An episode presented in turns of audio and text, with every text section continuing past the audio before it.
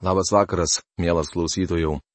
Šiandien su jumis, kaip kasdien įpratę, mes toliau keliaujame Biblijos puslapiais, Naujojų testamentu, antrų laiškų korintiečiams. Šiandien apžvelgsime 11 iš šios knygos skyrių. Skyriaus tema - Pauliaus apaštalystės išteisinimas. Šiame skyriuje Paulius kalba labai nuoširdžiai ir asmeniškai. Jis primena korintiečiams, kad jie sujungti su gyvuoju Kristumi ir išreiškia gilų susirūpinimą jais. Galiu nedvėjodamas pasakyti, kad šio laiško žinia man visuomet duodavo daug naudos. Daug laiko praleidau studijuodama šį laišką ir visuomet buvau palaimintas. Paskutinė šio laiško dalis susijusi su apaštalo Pauliaus pašaukimu. Dešimtame skyriuje aptarėme Pauliaus apaštalystės autentiškumo patvirtinimus. Dabar skaitysime labai asmenišką atkarpą, kurioje kalbama apie Pauliaus apaštalystės išteisinimą. O kad jūs pakestumėte truputį mano paikybės, bet jūs ir pakenčiate.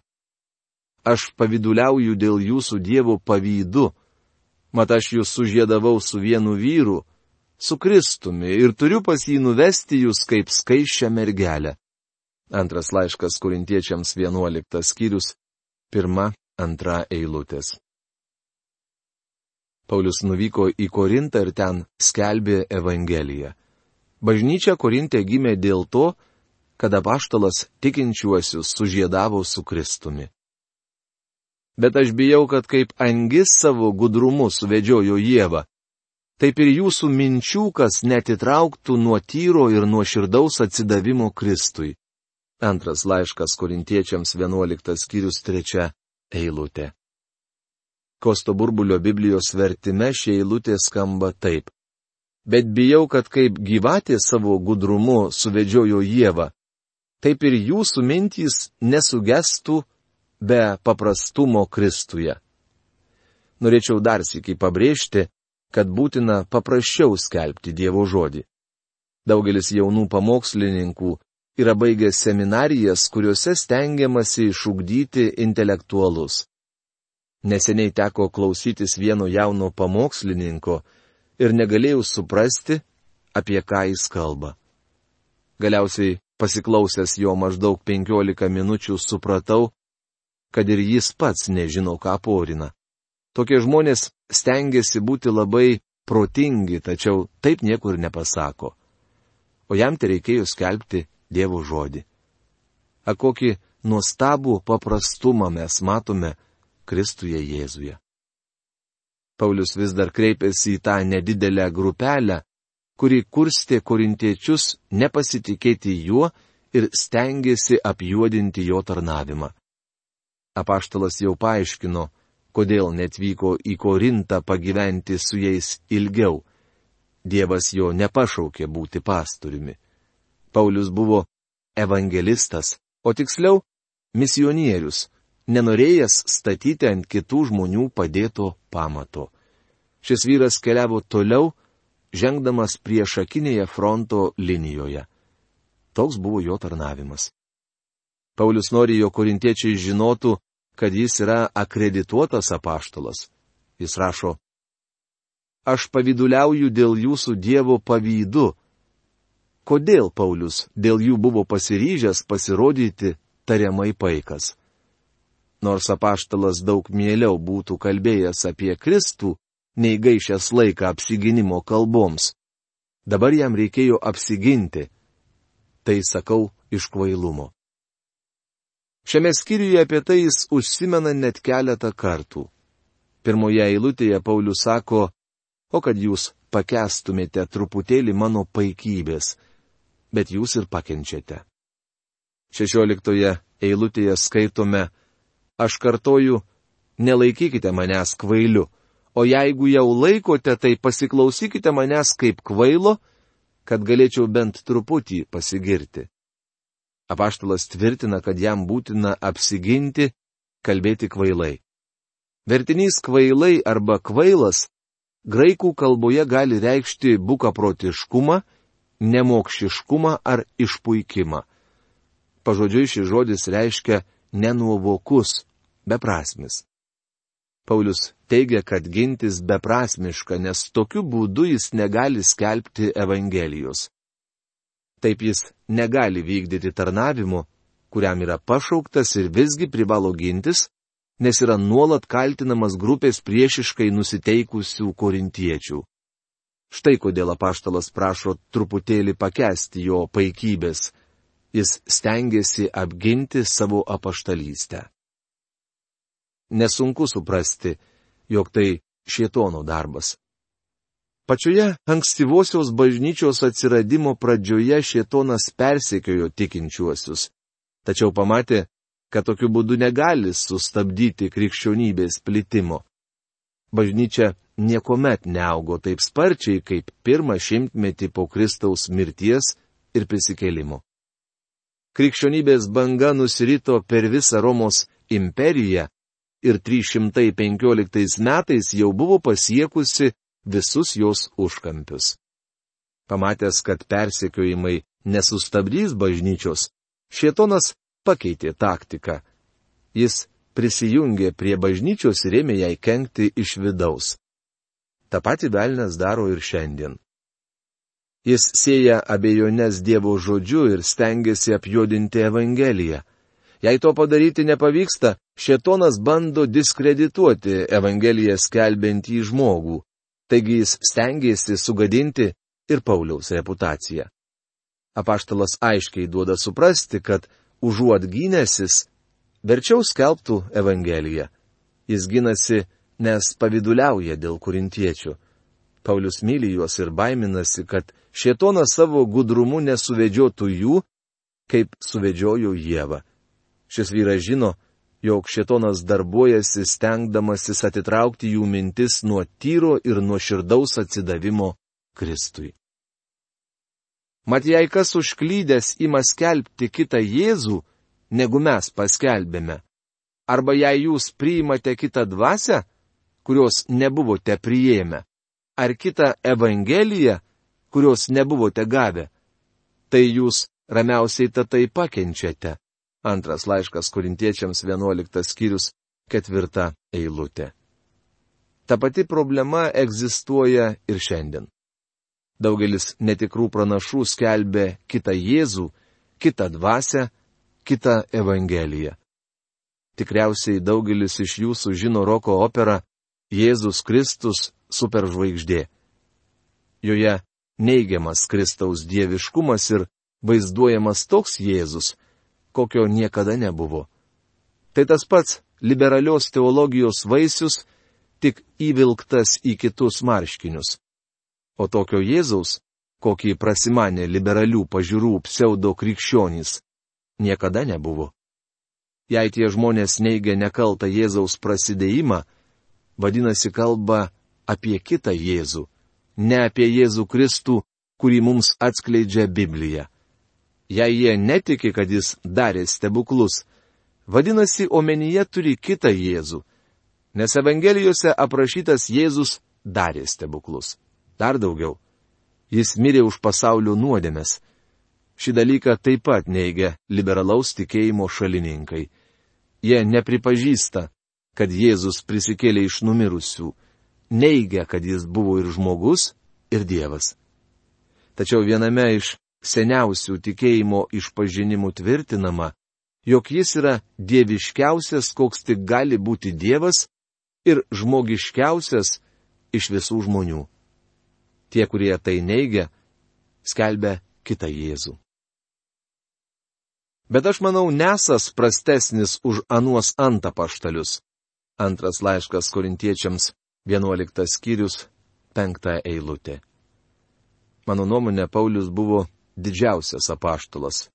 Jis sako, kad nėra paskutinis iš apaštalų. Paulius nori, kad korintiečiai žinotų, jog jis nėra prastesnis už kitus apaštalus. Tik todėl, kad atvykęs pas juos su Kristaus romumu bei švelnumu jis darbavosi, gamindamas palapines, dar nereiškia, jog jis nėra apaštalas. Kaip matote, Paulius priverstas gintis. Ir jei man trūksta iškalbingumo, tai anaip tol nepažinimo. Ir tai mes esame jums įrodę visais atžvilgiais. Antras laiškas korintiečiams 11 skyrius 6 eilutė. Paulius buvo labai intelektualus, tačiau kalbėjo paprastai. Du žmonės man gyvenime yra padarę iš ties didelę įtaką. Vienas iš jų buvo profesorius iš Memphio, Tenesio valstijos, kuris mokė paprastai ir aiškiai. Kitas - daktaras Haris Ironsidas, kuris buvo žinomas kaip paprastas pamokslininkas. Jis buvo labai įsilavinęs, tačiau Dievo žodis skelbė be galo paprastai. Sausainius daktaras Ironsidas padėdavo ant žemiausios lentynos, kad ir vaikai galėtų juos pasiekti. Paulius taip pat stengiasi paprastai pamokslauti. Apaštalas sako, kad jam trūko iškalbingumo. Manau, jis paprasčiausiai kalbėjo taip, kad korintiečiai suprastų ir galimas dalykas gana stačiokiškai. Tačiau Paulius buvo aštraus proto žmogus. Iš to, ką jis parašė, galiu spėti, kad jo intelekto koeficientas buvo aukštesnis nei kitų žmonių, kada nors gyvenusių šioje žemėje. Nejaugi aš nusidėjau, kad pažeminau save ir išaukštinau jūs, paskelbdamas jums Dievo Evangeliją dovanai? Aš apiplėšiau kitas bažnyčias, gaudamas iš jų išlaikymą, kad galėčiau tarnauti jums. O būdamas pas jūs ir stokodamas, ne vieno neapsunkinau. Neturte sušelpė mane iš Makedonijos atvykę broliai. Aš saugojausi ir ateityje saugosiuos tapti jums našta, bet kuria prasme. Antras laiškas korintiečiams 11 skyrius 7-9 eilutės. Paulius nepriėmė iš korintiečių jokios paramos. Jis sunkiai plušo, dirbdamas palapinės. Makedonijos tikintieji siuntė apaštalui paramą, kad jis šiek tiek laiko galėtų skirti Evangelijos skelbimui tačiau patys korintiečiai Pauliui nepadėjo. Nors šio vyro rankos buvo puslėtos, jis buvo puikus apaštalas. Sakau jums vardan Kristaus tiesos esančios manyje, kad šio pasididžiavimo Ahajos rytyse niekas iš manęs netims. Kodėl? Ar todėl, kad jūsų nemyliu? O Dievas tai žino. Kaip darau, taip ir darysiu, kad neduočiau progos ieškantiems priekabių pagirūnams, kurie norėtų pasirodyti esą tokie kaip ir mes. Antras laiškas korintiečiams 11 skyrius 10-12 eilutės. Paulius sako, jog giriasi, nes paviduliauja ir baiminasi dėl korintiečių. Kiti vyrai, pavyzdžiui, Apolas galbūt buvo iškalbingesni bei rafinuotesni už Paulių ir nedirbo fizinio darbo. Tačiau nelyginkime Pauliaus su kitais.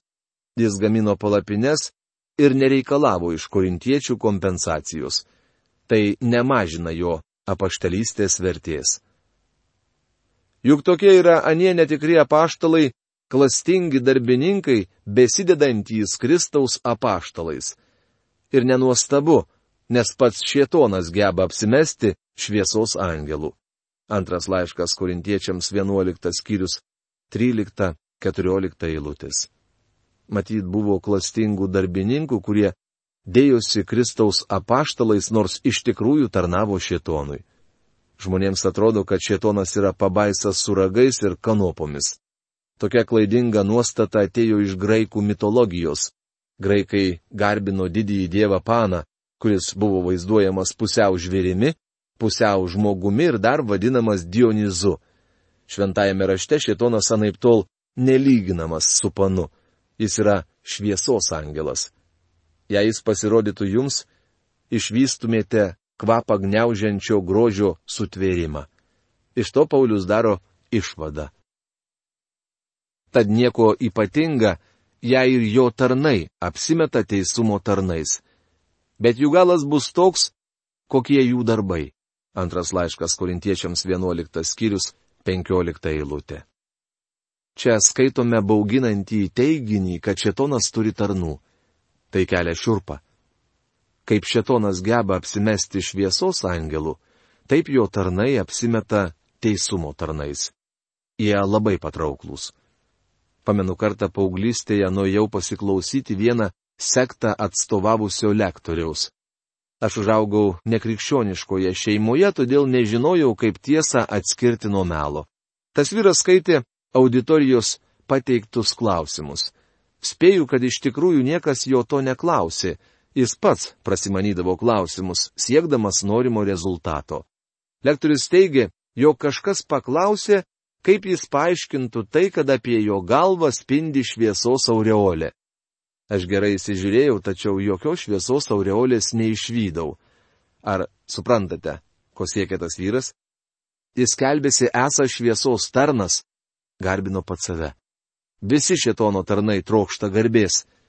Tai vienas iš būdų, kaip pažinti, ar žmogus skelbia tikrą Dievo žodį, ar kitą Jėzų ir kitą Evangeliją. Aš kartoju, nelaikykite manęs kvailiu, o jeigu jau laikote, tai pasiklausykite manęs kaip kvailo, kad galėčiau bent truputį pasigirti. Ką pasakysiu, pasakysiu ne viešpaties valia, bet tartum kvailiodamas ir manydamas galys pasigirti. Antras laiškas kurintiečiams 11 skyrius 16-17 eilutės. Paulius rašo, jog privalo tęsti beprasmes kalbas, o korintiečiai turi jas pakesti. Kadangi daug kas giriasi kūno dalykais, tai pasigirsiu ir aš. Juk būdami protingi jūs mokate mielai pakesti paikuosius. Antras laiškas korintiečiams 11 skyrius 18-19 eilutės.